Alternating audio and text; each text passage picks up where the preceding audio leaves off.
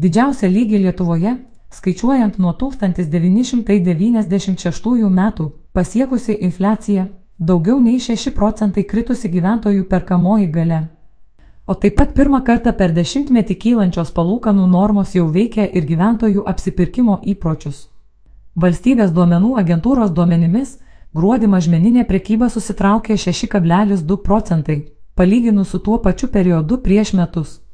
Itin panašias tendencijas rodo ir Svetbank atsiskaitimų mokėjimų kortelėmis bei grinųjų pinigų išgryninimo apimtys, kurios Lietuvoje praėjusiu metu gruodžio mėnesį įvertinus infliacijos įtaką sumažėjo maždaug 6 procentai.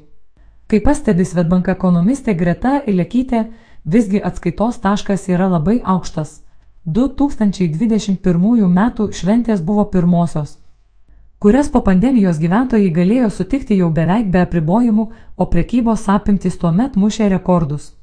Todėl 6 procentai kritimas, turint tokią aukštą palyginamąją bazę, kol kas nesiunčia daug nerimo ženklų. Žinoma, prie to prisideda ir dviženklių tempų vis dar kilę atlyginimai ir rekordinis gyventojų užimtumas. Būtina atsižvelgti ir į ir vyriausybės inicijuotą energijos kainų kompensavimą, išaugusi minimalų atlyginimą ir kitas taikomas paramos priemonės. Negana to, vos 16 procentų namų ūkių Lietuvoje gyvena būste, už kurį reikia mokėti padidėjusias palūkanas, sako G. Ilekytė. Pasak ekonomistės, Estijoje būsto paskolą mokančių namų ūkių yra beveik trečdalis, Švedijoje daugiau nei pusė. Tad Europos centrinio banko keliamų palūkanų šokas mūsų šalyje yra saliginai nežymus. Visgi gruodžio mėnesį mažmeninė prekyba maisto prekiamis krito 10 procentų, nors gyventojų skaičių šalyje išaugo ne 2 procentai, o tai yra rimtas signalas.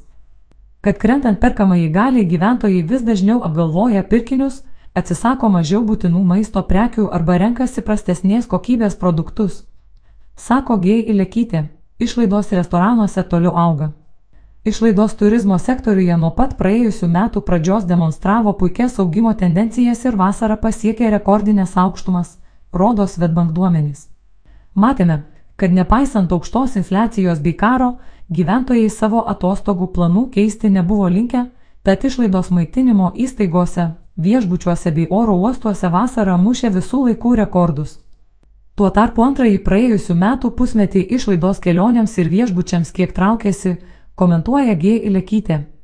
Tačiau ekonomistė pastebi, kad paskutinį praėjusių metų ketvirtį, kai metinė infliacija šalyje perkopė 20 procentų, gyventojai taupyti ir atsisakyti pramogų per daug linkę nebuvo.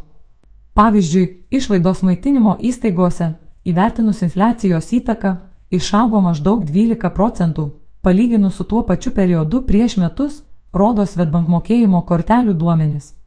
Taigi, Pasagė įlekytės, tokios tendencijos siunčia dviprasmiškus signalus. Viena vertus, matyti, kad prekyba krenta, gyventojai nuperka mažiau maisto prekių.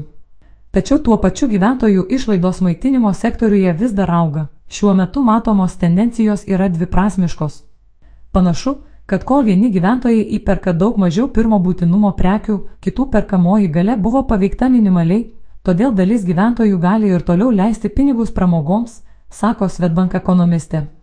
Grinųjų pinigų svarba dėl praėjusiais metais prasidėjusio karo Ukrainoje gyventojų pinigų išgryninimo operacijo šoko į viršų.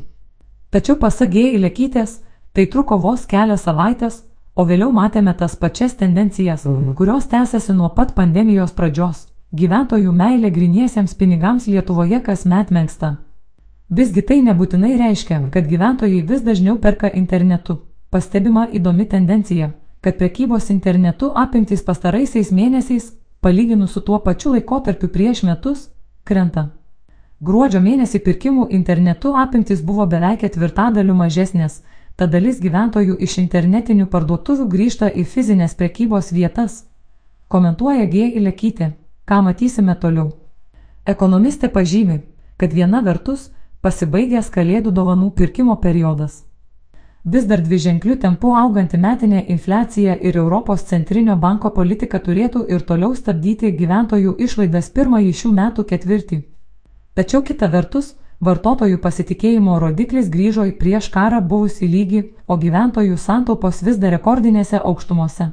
tuo metu infliacija pasiekė piką ir jau leidžiasi nuokalne žemyn. Šių metų sausį vidutinės kainos Lietuvoje vis dar augo 0,6 procentai ir buvo 18,4 procentai didesnės nei prieš metus. Visgi panašu, kad tai yra paskutinis pasispardimas ir ateinančiais mėnesiais tikriausiai išvysime defliaciją, kai tam tikros prekės parduotuvių lentynose pagaliau pradės pikti, apibendrina Svetbank. Ekonomistė G. Ilekytė.